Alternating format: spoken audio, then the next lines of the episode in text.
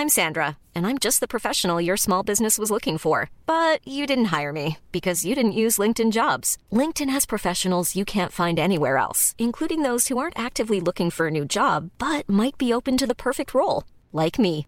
In a given month, over 70% of LinkedIn users don't visit other leading job sites. So if you're not looking on LinkedIn, you'll miss out on great candidates like Sandra. Start hiring professionals like a professional. Post your free job on linkedin.com/people today.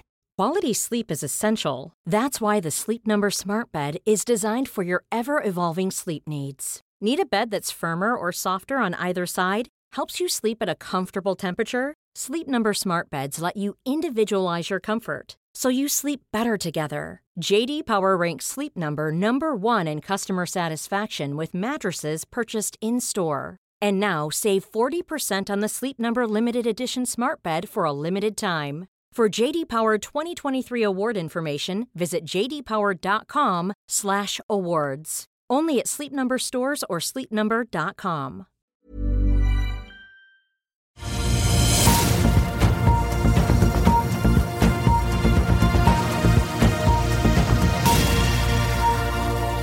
var det mandag igjen. Karl Johan er tilbake, og vi er klare for en ny og ikke minst eh, siste uke før jul. Velkommen til Børsmorgen, alle sammen. Mitt navn er Marius Lorentzen, på plass her på Smestadammen i Oslo. Kalenderen har kommet da til 18. desember, en uke der det er rentemøte i Japan med resultatet i morgen. Vi får ledighetstall fra SSB, og ikke minst også får vi si Jeromes favorittinflasjonstall, PCE, på fredag. Vi får også besøk av DNBs kjente eiendomsanalytiker Simen Mortensen for å oppsummere året litt og titte litt inn i glasskulen for 2024, og kanskje eh, få litt svar på om bunnen i eiendomsaksjene er nådd eh, nå. På hovedveksten er det ventet at vi vil stige 0,3 fra start, i hvert fall ifølge det med Markets sine estimater. Nordnett ligger inne med 0,2 etter en nedgang på fredag på 0,6, som gjorde at vi endte uken opp nesten 0,2 eh, Verdt å merke seg at Proximar, eh, sjette opprettelskapet som driver på land i Japan, endte 240 millioner kroner på to kroner aksjen helt på tampen av forrige uke. En ganske kraftig rabatt på 23% men aksjen endte likevel opp til litt over tre kroner aksjen da på fredag dag, fortsatt ned 25% så langt i eh, år.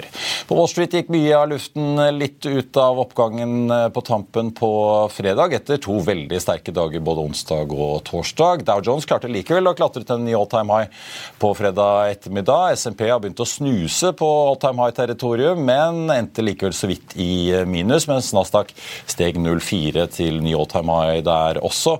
Og den forrige rekorden ble da satt i november 2021. Men selv om trykket roet seg litt grann, med noen uttalelser fra Fed-presidenten i New York, så er det fortsatt sånn at av de tre store Wall Street-indeksene nå er opp syv uker på rad, får vi si. Og apropos SMP 500, Uber er på vei inn i indeksen fra og med i dag. En aksje som jo er oppover 150% i år etter halveringen i eh, fjor. I Asia så er det jevnt eh, røde tall i dag. De store indeksene ligger ned snauprosenten alle sammen, mens nordsjøoljen tikker litt oppover og begynner å nærme seg nå 77 dollar fatet. 76 6,95 ligger vi på i spotten akkurat eh, nå. Mange rederier har begynt å styre unna Rødehavet etter at det har vært flere angrep eh, på skip fra Houthi-militsen i Jemen. Det er i hvert fall de som har tatt på seg ansvaret for angrepene. Styrelederen i Suezkanalen opplyste i helgen ifølge NTB at 1955 skip har blitt omdirigert rundt Afrika og Kapp det gode håp bare da siden 19.11. Omtrent det samme antallet har gått via kanalen, så en rundt 50-50 splitt eh, der, altså. Ellers et par nyheter som kom i løpet av helgen. BV Invest selger deler av sjømatvirksomheten sin for 675 millioner kroner. Prosafe fikk inn drøyt 30 av de 80 millionene de kunne fått inn i sin reparasjonsemisjon, som altså ble kjørt på 60 kroner aksjen. Og Sent fredag kveld så kom også Skatek med melding om at de nå har hatt uh, financial close, i hvert fall på dette store solparkanlegget de planlegger å bygge da i Botswana, som også blir landets første store utility-skalaanlegg. Da kan jeg si velkommen tilbake og god morgen, eh, Karl Johan, hvordan er formen? Jo, den er fin. Fin form. Du fikk kjørt deg litt med hva enn det der viruset var for noe? Ja. ja. Jeg tror det er mange som har dette her, så det er jo rare greier å ha. Det er jo uvanlig. så... Godt å ha deg tilbake. Ja. Du har jo du har sikkert fått, jeg vet jo du har fått med deg mye fra sidelinjen, ja. Eh, fra sengekanten, holdt jeg på å si, men det har jo skjedd mye. Skal vi begynne litt med hva som har utspilt seg etter Fed-møtet? Et kraftig fall i rentenivået som vi så i forrige uke. Tiåringen ned under fire vel for første gang siden det var vel august? Ja, og alle lurer jo på hva som har skjedd da. De tolv dagene fra forrige tale til når liksom, manuskriptet endrer, seg fra 'higher for longer' til at uh, her må det rentekutt til. Da. Og uh, det er jo fordi de ser sannsynligvis en svakhet. Og nå I morgentimene så har jo det kommet ut at en stor japansk bank har kommet inn under uh, fått tilgang på funding fra Federal Reserve. Da, har drevet, Det er en bank da, som, der du har lånt til japanske igjen og investert i amerikanske statsobligasjoner. og De har jo sannsynligvis da ikke klart å la være å gjøre det samme som kundene, så de har jo fått store kurstap på disse amerikanske obligasjonene. Og Det blir litt det samme som disse Silicon Valley-banken. sånn, øh, sånn, sånn short term. tungt til å realisere ja. Ja, for, unngå, for å unngå at de skal ha urealiserte De får funding da, på disse store tapene. her, og, og, og det, det, er jo bare én måte å få inflasjonen ned til 2% på eh, i verden, og det er jo å få nedgangskonjunktur. Eh, og, men det får jo ikke så lenge det at det er en krigssituasjon og skip ikke får gå gjennom Suezkanalen og kostnadene går opp og oljeprisen holdes opp og veldig mye av ressurser går til å produsere våpen, så får du press i økonomien. og da eh, får du ikke den lave inflasjonen som du trenger for å få ned rentene, eh, uansett hva man sier.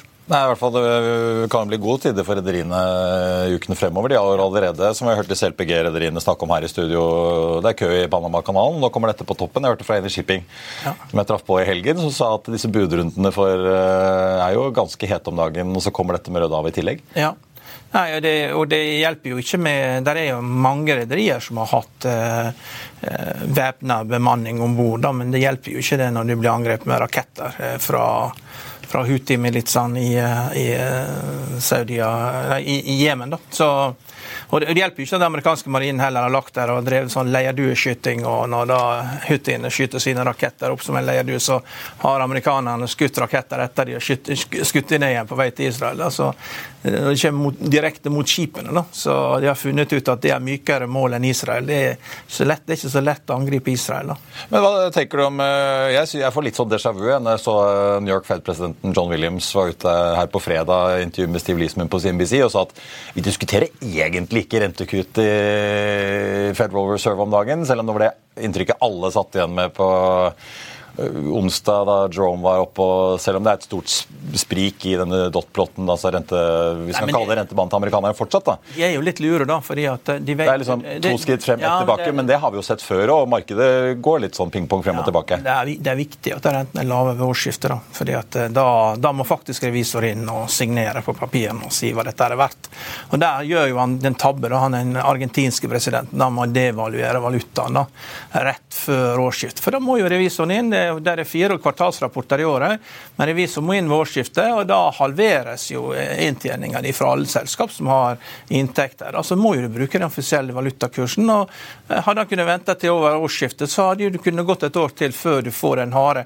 Så Argentina de, de, liksom, de klarer liksom ikke å finne lure løsninger. da. Mens amerikanerne de ser jo det at eh, Og de skjønner jo det sjøl også, at det, når du øker renten med 5,5 på 18 måneder, det går ikke an at det skjer uten at det, det skaper store ødeleggelser i økonomien. Og Powell er kommer fra private equity, han har sikkert hatt en del julemøter. og de har sagt til han, hør her, sa han, eh, du vet jo hvordan dette her er. du vet Vi har alle disse prosjektene skal refinansieres neste år. Tolv måneder før at de skal refinansieres, så blir det kortsiktig gjeld. Eh, så det, så det, det, hjelper, ikke bare at det tar tolv måneder til. Med en gang det blir klassifisert som kortsiktig gjeld, så, så ser balansen til selskapene dårlig ut. og eh, Du må være forsiktig så ikke du liksom knuser økonomien. og Det er ikke det som er jobben din. For det er veldig unikt, det som skjer. Og Når du da får et problem i du har hatt verdens største carry trade fra Japan og hatt nødrente i snart 40 år. og, da, og når, da, når, en av de private bankene der får problemer, eh, som det nå er, og banken i Japan nå er ned med 2,5 i dag tidlig, så er det, det er sånne plasser der man skal lete etter feil. og Det er der du minst venter. ikke sant? I USA sist var AIG som gikk konkurs, at en 87 år gammel mann på ergometersykkel i alle møtene for å overbevise alle om at verdens største forsikringsselskap ikke skulle gå konkurs, men det gjorde de, da. Så, så det er du må liksom, Hullene er ofte der du ikke, der du ikke forventer det. Og, og, det finansielle systemet er ikke sterkere enn og Hvis du har ett stort, sånn stort svakt ledd, så får du veldig store konsekvenser. Og, og da, du, da, går sikringen. Og, og eh, Da får du nedgangskonjunktur, og det er det økonomien trenger. Altså, og USA er forskjellig fra Norge. Norge kan jo godt øke renten. Vi har ikke noe fundingbehov, men USA har jo et enormt fundingbehov, så det går utover de sjøl også når rentene er for høye for lenge. Så dess raskere du skaper nedgangskonjunktur, dess raskere du blir ferdig med dette her, dess bedre er det egentlig for alle. Vi må snakke litt om uh, Solstad offshore-sagaen som har rullet og gått uh, også før vi tar, tar inn dagens gjest her. Uh, nå ser jeg Solstad starter ned en snaue 2 i dag, da, med en hovedvekst på halvprosenten. Men altså, den aksjen siste måneden er det opp nesten 50 American Shipping Company er også gått det var opp nesten 9% på fredag, selv om den fortsatt er mye ned så langt i år. da. Ja, det, det, er jo, det, er jo, ganske unikt at man skal slåss om noe sånt som dette her etter at det har lagt ned i ti år. da. Og, så Sånn sett så er det et luksusproblem for bankene. men Røkke hadde en stor fordel når han gikk inn og putta inn 500 millioner kroner i Solstad. Så var han utenfor bransjen. Eh, og, eh, og eh, Viking Supply Ships, da, som er i Göteborg, som nå har noen eh, isbrytere, de har sjøl gått gjennom en restrukturering, kom vel i 2016, har realisert salg til Canada. Men, men i hovedsak da, så, så, Dette er jo noe som norske banker gjør jevnlig. og Jeg hadde jo en amerikansk kunde som drev med commodities. og, og Det var jo en DNB-administrerende direktør som var på besøk. og Det var vel omtrent det tidspunktet der hvor Ultveit Moe fikk den gode dealen der at han liksom fikk lov til å ta over 50% av stemmene på eh, PGS mot å bare putte inn 10 av egenkapitalen. Og da var det sånn at eh, Ultvedt Moe fikk jo, han var first in line, det har han alltid vært. og vært veldig flink til å ta over bedrifter. Tok over Knutsen OS Shipping, begynte med det, gjorde det om til et eh, shuttletankrederi.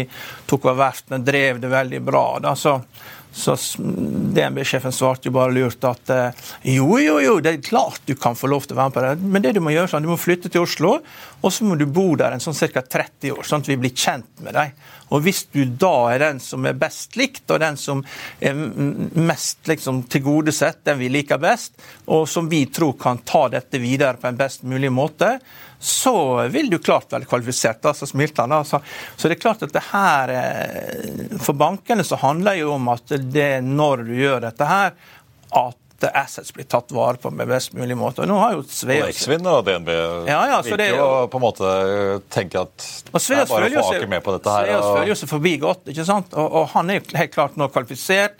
Og, og, og, at han ikke er blitt spurt engang, litt spesielt. Eksfins eh, Eh, sjef. Hun var jo tidligere sjef for Swedbank, var hun ikke det? Og, jo, Tone Lene Bakke. Ja, det er bankforbindelsen til Viking Supply Ships. Og, eh, de må jo snakke sammen når han gjør dette. Så, det er noe annet å jobbe for staten enn å jobbe for Swedbank? Jo, jo, ja. men hun, så, det at, så det at hun Her er jo forbindelser, og, og, ja, som sitter så flott at det er, du er interessert i å være med på. Sånt, men vi, vi, vi, må ha det sånn at du tar alt. altså Vi kan ikke ha sånn som vi kan ikke holde på sånn som eh, Bård Drilling holdt på med, sånn refinansiering på abonnement med 50 millioner dollar i kvartalet. Det kan ikke holde på sånn. Du må ta hele greia, liksom 4 milliarder kroner. Og så vil ikke vi se dette igjen, og så må du oppføre deg fint. Du kan ikke snu deg rundt etterpå selge dette videre til Canada, og så ta 1 milliard sjøl i privat profitt ei uke etter du gjør dette. Altså, du må liksom eh, Det er jo litt som å, å Du må være in it for the long game? Ja, in it for the long game. Og, og, og man har jo liksom brukt 20 år på å oppdra røkere etter Norway Seafoods, når han da kjøpte det av børs og solgte da eh, halvparten av selskapet da, for samme pris som liksom eh, Han solgte halvparten for det samme som han kjøpte hele for uka før. Og, Sånn kan du ikke gjøre det. For dette her er eh, For bankene så er det viktig at de kan fortsette det spillet som de gjør, med å, å, å liksom extend and pretend, altså du forlenger, og at du liksom da skyver på tapene. Men da, da, da, må du, du kan godt gi folk en god deal, men dealen må ikke være så god at du kan liksom gå, gå i banken og tjene en milliard kroner uka etterpå. Liksom, du, må, du, må, være langsiktig, du bør helst drive dette her. og eh, Det må ikke være så opplagt at dette her er kun fordi at ja, verdien er mye billigere, og jeg, jeg ser at det er for billig, det selger for billig. Ja vel, men da må du komme med hele beløpet. Det tar ikke med én milliard, men opp med fire milliarder. ikke sant? Vi får se. Ja. Tror du kursoppgangen holder, da? Det vet jeg ikke. Det er umulig å si. Men, men det er klart at her er jo en nedgangskonjunktur som banker på døren. Så hvis jeg var bankene, så ville jeg vært interessert i å få dette gjort så fort som mulig. Eh, fordi olje, oljeprisen der, det går opp og ned, og det er ikke sikkert den korrigoren mellom 70 og 90 varer så lenge. Plutselig går det ned, og da er ikke sikkert noen av de vil være der. Nei, det kan være. Ja. Karl, vi må snakke litt eiendom òg. Jeg tenkte ja. bare å nevne før reklamen at uh, eh, FAs innsideportefølje, der kommer Sidril inn denne uken. Airthings går ut. Og så holder vi også et øye med hydrogenaksjen Nell, som er svakt neddag. Med Market skriver i sin morgenrapport at vi kan få nye reaksjoner i aksjen i forbindelse med at konkurrenten ThyssenKrupp Nucera legger frem sin kvartalsrapport senere i dag. Vi er straks tilbake med Simen Mortensen rett etter dette. Vil du bli oppdatert på det viktigste som har skjedd innen finans og næringsliv? Da er det bare å følge med, for hver morgen er jeg, Marius Lorentzen og aksjekommentator Karl Johan Malnes på plass i studio for å ta tempen på dagens marked i Børsmorgen. Og hver ettermiddag oppsummerer vi alt du trenger å vite i økonominyhetene, og det blir selvfølgelig masse interessante gjester. Klikk deg inn på fa.no-tv, eller søk opp Børsmorgen og Økonominyhetene der du hører på podkast.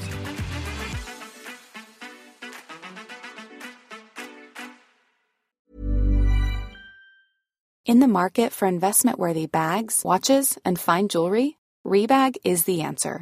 Rebag is a luxury resale platform where each piece is carefully inspected by experts to ensure quality and authenticity. Use Rebag to buy and sell finds from the world's top brands, including Louis Vuitton, Chanel, and Cartier. Head to Rebag.com and get up to 15% off your first purchase as a member with code REBAGNEW. Shop today at Rebag.com. That's R E B A G.com. And use promo code REBAGNEW for up to 15% off your first purchase as a member. I'll see you in court. Vi sier det ofte litt på spøk, men for deg som driver business, er det aldri moro å innse at du ikke har laget en 100% gyldig kontrakt. Du bør ikke risikere hele firmaet ditt fordi du synes dette med kontrakter er litt stress. En avtale er ikke en avtale. Du kan miste kunder, miste venner, ja, til og med miste inntekter om du ikke lager en skikkelig kontrakt, på alt mulig, egentlig. Men vi vet det er et styr kopimaskiner, tregprinter og haugevis av papir. Dessuten stoler vi jo på folk her i landet. Det er ofte litt kleint å skulle be om en signatur for alt mulig, ja, for mye av styret handler også om jakten på underskriften. Det finnes en enkel måte å løse dette på, Dukkobit, en trygg, effektiv og get this, gratis måte å sikre seg en god natts søvn pluss en juridisk bindende avtale. Dukkobit-appen har de strengeste sikkerhetskrav i bunn, samt en EU-godkjent og sertifisert teknologi. Framover vil det bli behagelig å spørre du, skal vi skrive under på det, eller? Kom i gang på dukkobit.no. Da skal vi snakke om en av sektorene vi har fulgt nøye med på i år, og som jeg er ganske sikker på vi kommer til å følge tett med på i 2024 også. Men etter kraftig kursfall, særlig i aksjemarkedet, så er spørsmålet om bunnen er nådd nå, eller om oppgangen vi har sett siden månedsskiftet oktober-november bare holder oss eh, for narr inntil eh, videre. Velkommen til oss, Simen Mortensen, eiendomsanalytiker i Demi Market. Jo, tusen takk som vi snakket om, ganske store utslag eh, etter rentemøtet i USA forrige uke. Vi liksom var nesten på 5% på tiåringen i USA tilbake i oktober. Og whoops, så var vi på 3,9. Nå er vi på 3,91 eller 2 eh, her akkurat nå. Det slår ut i din sektor òg? Veldig. Og det har vi jo sett de siste 14 dagene her, at hvor mye disse amerikanske rentene har å si på forventningen til rentebildet. Uh, 20-30% i flere aksjer siden bunnen her. Så det er jo veldig spesielt, eh, og vi tror at det har jo vært veldig volatilt gjennom hele 2023 med press fra stigende renter. Og det er, la oss være ærlig, det er jo stigende rentene som er et problem for eiendomssektoren. Så når den faller, så er det ikke rart at det, det går bedre for sektoren. Og så er vi der da, hvor at Fed sier at vi skal ha tre kutt, kanskje.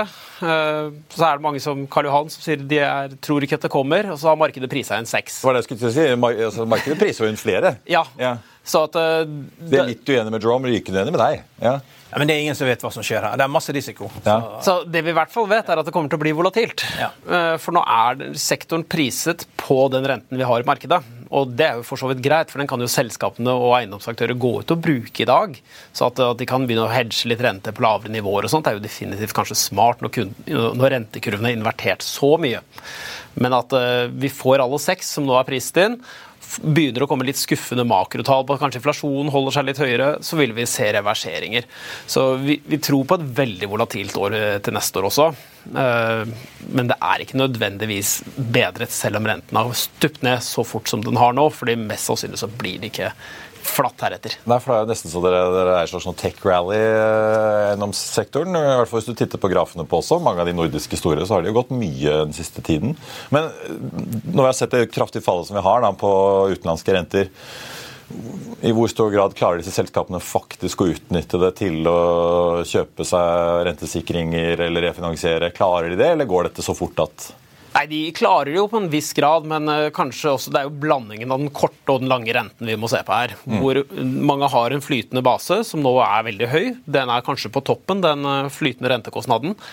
Så er det normalt sett en binding på opp mot 50 av eh, rentene. Og de har jo bundet mye i dag, så det, du må jo forholde deg til det også. Så du klarer ikke å trekke det rett ut på dag én uansett, men på nye kjøp og når ting forfaller, så klarer du å binde på et lavere nivå. Men eh, det er jo et blandet bilde her av den korte og den lange renten. Men eh, for transaksjonsmarkedet så har nok det lange rentene mye mer å si enn de korte.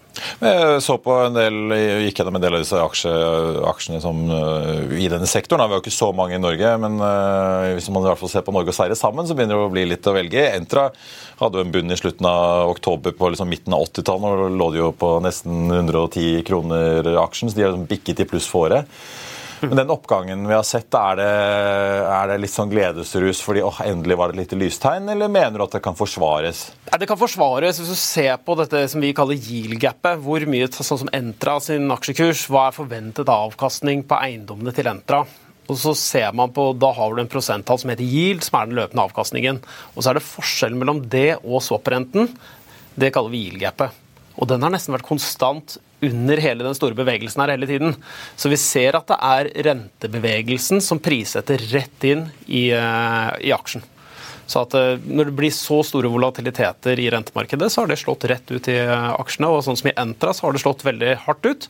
Av, de norske ser du på de andre norske, sånn som Tono, KMC og Aurora og litt andre, som er litt mindre likvide, så har det ikke vært så stor bevegelse. Men de har ikke like mye handel, og de er ikke like finansielt belånt. Men i den svenske sektoren så har bevegelsene vært lik som i Entra, og i større, for der er det jo også noen litt mer belånte selskaper. Ja, jeg så Castellum har gått fra 100 til 100 nesten 50 svenske.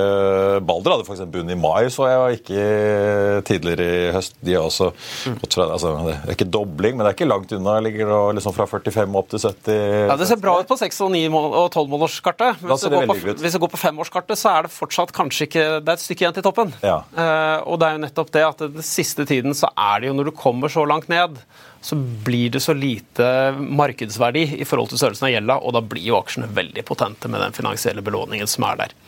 Men Nå er jo SPB et case for seg selv, da, men hvis du ser liksom på de andre, hvordan er risikoen nå for at de må ut og plutselig selge noe eiendom eller refinansiere?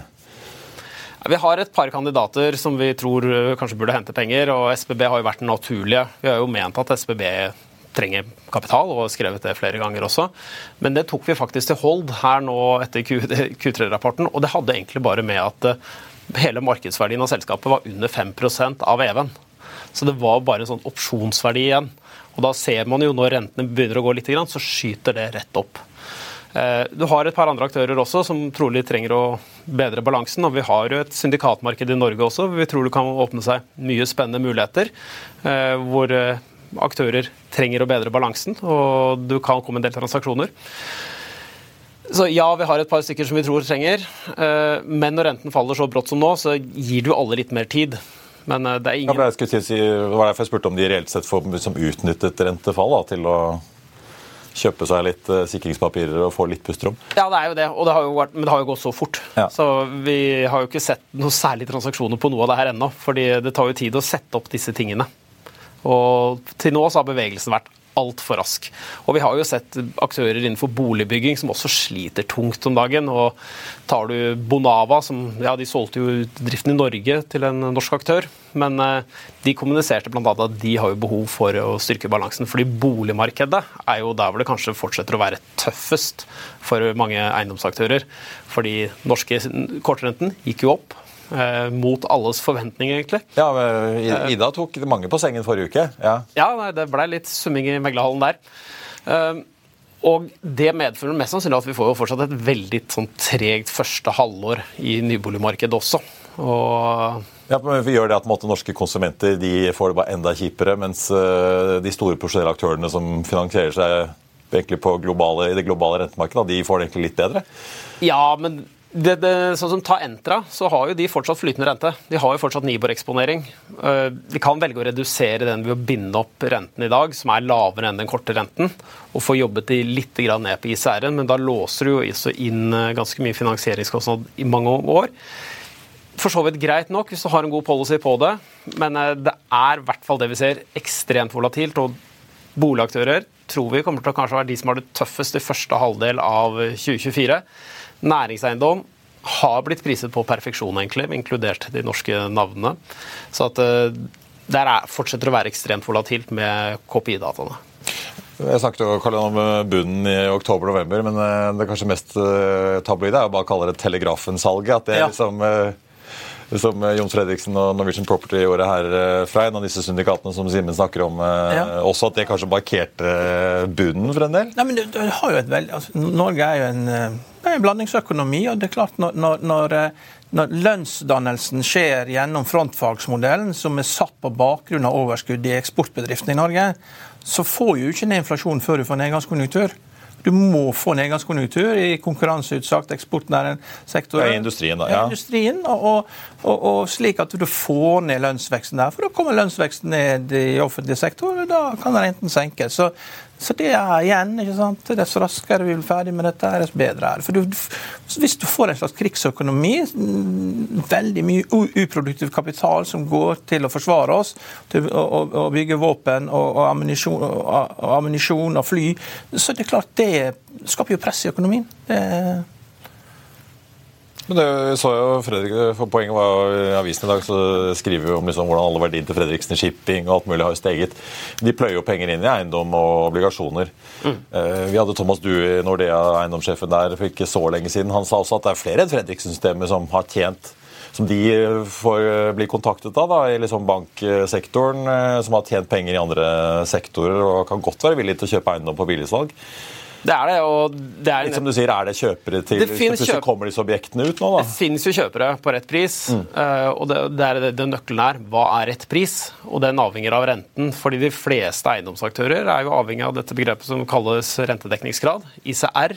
Eh, og det, er ofte en covenant til bankene, og den settes hardt under press på noen av de skarpeste objektene som prises i markedet i dag. Du er nødt til ofte, Skal du være Entra eller andre investment grade og ha billig finansiering i obligasjonsmarkedet, så skal jo helst denne være på et nivå hvor EBD-en, delen på rentekostnaden, er 2,4 eller høyere. Og Det krever ganske høye gilder i uh, dagens rentemarked. Selv om renta liksom er 3 uh, eh, som det er 3,3 er den vel i dag, sist jeg sjekka. Da må vi kanskje opp mot 5 pluss i gilder i verdivurderingene eller i transaksjonene før du helt tatt klarer å regne igjen denne type ICR-tall. Mm. Og det, de gjør, Der er det kjøpere. Når du får de avkastningene og klarer å få en ICR på 2,4, for da har du egenkapitalsavkastning. Men akkurat nå så er jo beviset i transaksjonsmarkedet at avstanden mellom kjøper og selger er fortsatt enorm det er lite transaksjoner i næringseiendom. Altså det, er, det er foreløpig Vi har sett et par av Arctic-syndikater øh, slite. Vi vet jo fortsatt ikke om Storebrand skal bli boende. De har vel svarfrist i juni, er det vel, øh, ute på Lysaker.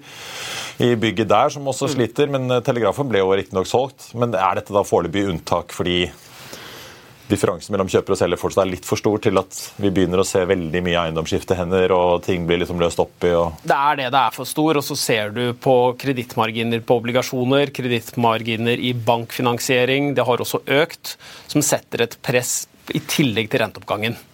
Og da skal du sette deg ned og få regnestykket i boks, og så går det ikke alltid helt i hop i forhold til sånn du hadde forventet.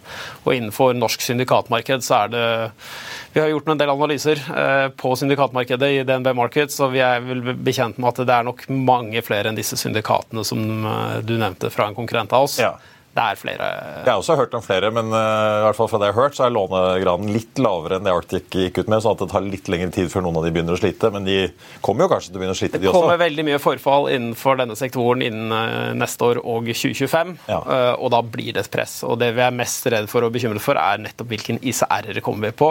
Og da er det sånn igjen, hvor skal renten? Eh, hvor er normalrenten? For nå er det prisa inn seks kutt fra Fed og andre banker framover, sentralbanker. Det er mer enn det de tror på. Eh, så volatiliteten vil være der. Eh, men kommer vi ned og får seks kutt, så er det veldig fint for alle sammen. Og så er vel forskjellen Det er vel bedre å havne der at du på en måte ja, leieinntektene dekker renten, men ikke avdrag. Det er vel lettere for banken å akseptere enn at du, du plutselig er så under vann, som vi har sett uh, bl.a. Ja. på Equinor-bygget, hvor uh, de har ikke nok leieinntekter til å dekke renten i perioder. Ja, og klarer du ikke det, så og Da må jo banken agere og gjøre noe. Gripe inn, og det samme at Du skal jo også opprettholde vedlikeholdet på Capex osv. For eiendommen blir jo eldre hver eneste dag. Så du har jo også det behovet, og det er derfor ofte sånne krav til ICR, denne rentedekningsgraden, ligger rundt 1,8 til 1,5 i den rangen der som en covenant fra bankene, for du har betalbar skatt. Du har jo ikke fulgt eh, Det er en begrensning på hvor mye skatt du kan trekke av, eller mye rente du kan trekke av på skatteberegningen også, som påvirker den cashflowen du sitter med på bunnen her. Men dette kan jo åpenbart åpne noen ganske store muligheter da, for type Jon Fredriksen eller lignende aktører som har mye kapital i bakhånd. Mm. Han er jo åpenbart i City med Norwegian Property, men også dette er det Fabege eller Fabege, Fabege, ja. Fabege i Sverige? Ja. Det er jo en av de det er et litt høyt belånt selskap, syns vi, uh, i forhold til kontantstrøm, men de har jo helt fantastisk eiendom. Ja, for Er, det, er FABG eller er det noen andre du tenker på hvis du tenker litt på lang sikt, som kommer til å komme skikkelig godt ut av det her? Det er ikke noe Popular Reverse på lenger, så du kan liksom ikke kjøpe Nei, der, der. Nei, vi har tenkt eh, Castellum er nok eh, en av de som har best balanser av de store likvide. Det har vært vår sånn go to hele tiden på kjøp. at eh, Hvem har en god balanse, hvem har en god eiendomsmasse? Castellum i Sverige var en av våre absolutt favoritter. Så får vi også se da hvor, hvor flinke Ton-gutta velger å være i denne sykkelen her. For de har jo vært en aktør som har vært konservative i veldig mange år og har ekstremt lav belåning og kanskje de best ladede kanonene. Vi får se om hundreåringen fortsatt er sulten på vekst. Eh, men de, er de, selskapene som har best balanse, vil kunne bruke transaksjonsmarkedet som nå kommer til å skape mest verdier. Og få tak i enda mer objekter. Det, det, er jo sånn at eh, Hvis du skal bygge en eiendom nå i utkanten, så, så får du ikke lov til det. Men regjeringskvartalet er jo i ferd med å komme. ikke sant? Og Det er jo innerst i løken. og Det må jo få store konsekvenser når det blir ferdig. Eh, hvor stor andel av tilbudssida er det? Hvordan påvirker det signering av langtidskontrakter for de som skal skal fornye og ikke helt vet når regjeringskvartalet er ferdig. I det hele tatt, Hvordan påvirker det eiendomsmarkedet? Det er jo veldig lav ledighet, bare 6% Jeg regner med det noe av det er fordi man venter på at eh, det bygget skal komme. Og Da må jo det, akkurat sånn som DNB flytter ned i Bjørvika, så må man jo da rasjonalisere og, og, og eh, redusere bemanninga inn i et nytt bygg, eller et hva tror du skjer når regjeringskvartalet kommer? Nei, eh, Leiemarkedet har jo til nå bare vist styrke. Så at ja. Eh, leiemarkedet har man egentlig ikke vært så bekymret for. For det er det finansielle som har vært den store utfordringen. Ja. Eh, selvfølgelig så er vel dette ja, Det er noen hundre tusen kvadratmeter, jeg husker ikke tallet helt. Men det er et par prosenter av arealet i Oslo. Det fases over inn over flere år. Det er jo ikke sånn at det er ett bygg er ferdig, og så flytter alle inn. For det er jo flere bygg i dette regjeringskvartalet. Så det kommer over flere år, og det har alltid vært nybyggsaktivitet hele tiden. Så der tenker jeg mer hvordan går det i konjunkturen, arbeidsmarkedet, sysselsettingsgraden, hva er den faktiske etterspørselen? Det blir én del av et komplett bilde med tilbudet og så har du etterspørselen. Så, Men Er det lagt fram noen plan om å effektivisere bruken av areal i forbindelse med regjeringskvartalet? Ikke, de er vel ganske Ja, det var litt uh, hemmelig, er det ikke det? Jeg tror ikke alle får cellekontor. alle får nok ikke cellekontor, men så er vi også i det markedet hvor nybyggsaktiviteten i, fra private aktører har jo bare strupet helt ned. Ja. Så at du har jo veldig lav nybyggsaktivitet fra de private, som nå sliter med å få kalkulasjonene i boks. Sånn sett så Nå får du da offentlig, eller offentlig tilbud i leiemarkedet når det private går helt ned i kjelleren, for det startes jo nesten ikke noe privat. Hva tenker du om disse entreprenørene typ altså, apropos bygge i regjeringskvartalet, altså Veidekke og uh, disse? Er det risky bets fremover, eller har liksom det verste blitt tatt ut? Det spørs hvordan du ser på det. Det er jo boligmarkedet. Og man vet jo at bolig, bolig er, er, i bøtta. Det, det, er liksom det store hullet i osten. Og så har du anlegg og offentlige bygg som fortsatt ruller og går. Og jeg tror den beste måten å se på det, er bare å se på ordrebackloggen. Og vi mm. ser jo faktisk i ordrebackloggen til selskapene det er fortsatt på rekordnivåer.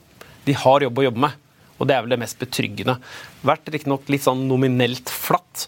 Og vi vet at når inflasjonen er så høy som nå, så er jo det en volumnedgang. Og det er derfor man ser at det selv om liksom i kroner så ser det greit ut, men så ser man at de kanskje justerer litt på bemanningen fordi inflasjonspresset er der. Men eh, ordrebackloggen for disse selskapene er jo veldig støttende for eh, aktivitetsnivået. Og så er det mer hvordan klarer de å jobbe med den høye inflasjonen og kostnadspresset osv. Ja. Du har alltid hatt, vært litt hard med AF-gruppen. Nå er kursen der 119, du har salg og kursmål 95. og AF-gruppen er jo et selskap som vokser aggressivt og tar kontantene, kontantene fra oppkjøpene og deler ut i utbytte. Men den trenden vi får nå, eh, den strategien som de har hatt, blir den bremsa av nedgangskonjunkturen, eller tror du at de vil fortsette å kunne klare å fortsette å kjøpe opp fordi at de vil kunne hente inn kapital utenfra til å gjøre det?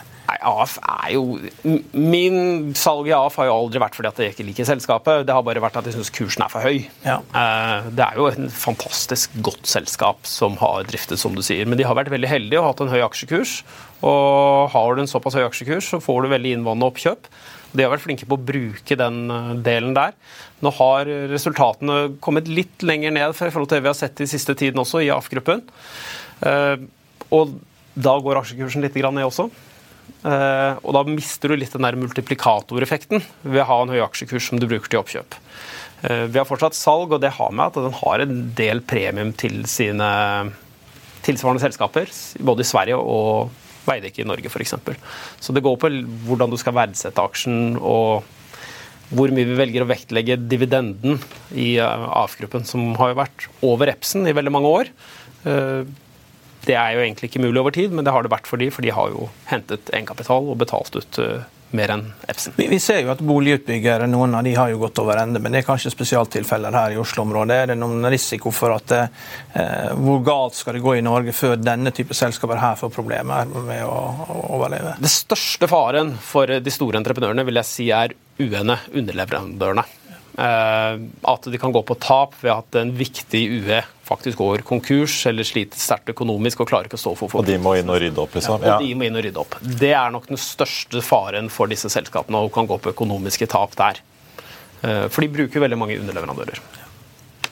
Til slutt, eh, Simen. Eh, nå får vi besøk av Thomas Nilsen her på starten av januar for å gjøre et lite sånn sluttregnskap på denne betten hans. han har hatt på å selge hus og kjøre alt inn i eget eiendomsfond som han forvalter. Mm. Det har jo foreløpig vært veldig lurt. og Det ser ut som han har tjent bra på det. men Litt som du sier da, Hvis vi nå får en slags sånn konvergens da, mellom markedet som tror på seks rentekutt neste år, og ja, la oss si Jerome får ett, at det blir tre, eller kanskje to. Mm. Ett Kommer disse aksjekursene i sektoren veldig under press igjen da på, utover de første månedene i året, tror du? På en stigende rente, hvis det blir som du sier at uh, markedet begynner å prise en høyere rente igjen, så ja, da tror vi vi får en ny korreksjon. Ja. Og da ser vi volatiliteten som kan følge Så da kan den oppgangen vi har sett siden oktober Ikke nødvendigvis alt, men spør, da skal vi jo helt opp igjen i toppen av rentekurven. Ja. ja. Uh, men noe av det kan nok uh, komme i en korreksjon. Så vi, får, uh, vi, må følge, ja, vi, må følge, litt mer på spreaden mellom Drome og markedet. Det kan være en sånn egen indeks fremover, det. det. det. blir spennende å følge, for det blir volatilt og muligheter til å gjøre mye trades. i hvert fall. Ja. Så tipper jeg at Colliers og alle sammen som driver med trading, Newsec og co., de, de satser vel på å få mer å gjøre neste år. Det håper vi. Ja, takk skal du ha. God jul og godt uh, nyttår. På tappen av sendingen så tenkte jeg bare å nevne at hovedindeksen nå ligger opp uh, eh, 0,9% faktisk. Solstad har snudd og ligger opp 4,2. American Shipping opp 0,7. Uh, jeg tenkte også bare å ta med Proximar, da, som begynte å falle ned igjen til nå 2,84. Der lå det jo en krone omtrent over emisjonskursen da på tampen av uken. Oljeprisen har bikket faktisk over 77 dollar igjen. Det gjør at vi får noen hyggelige kursutviklinger på toppen av mest omsatt-listen på Oslo Børs børs eh, også. Det var børsmålen for denne mandag 18.12. Husk å få med deg Økonominyhetene 14.30. Da har vi med oss både Trygve Egnar og Virkesjefen for å runde av eh, holdt jeg på å si, varehandelsåret 2023 og se litt inn i 2024. I mellomtiden så får du som alltid sitte nytt på FA.no gjennom hele dagen. Ha en riktig god mandag og uka sammen. Vi ses.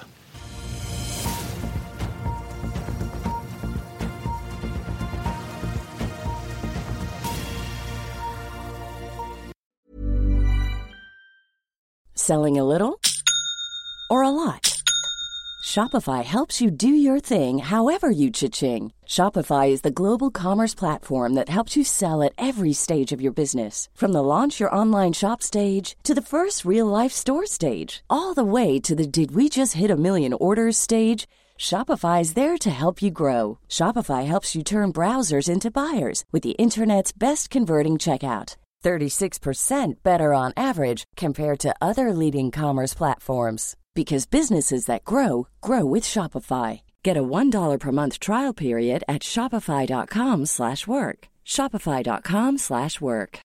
When you need mealtime inspiration, it's worth shopping Kroger, where you'll find over 30,000 mouthwatering choices that excite your inner foodie. And no matter what tasty choice you make, you'll enjoy our everyday low prices, plus extra ways to save, like digital coupons worth over $600 each week. You can also save up to $1 off per gallon at the pump with fuel points. More savings and more inspiring flavors make shopping Kroger worth it every time. Kroger, fresh for everyone. Fuel restrictions apply.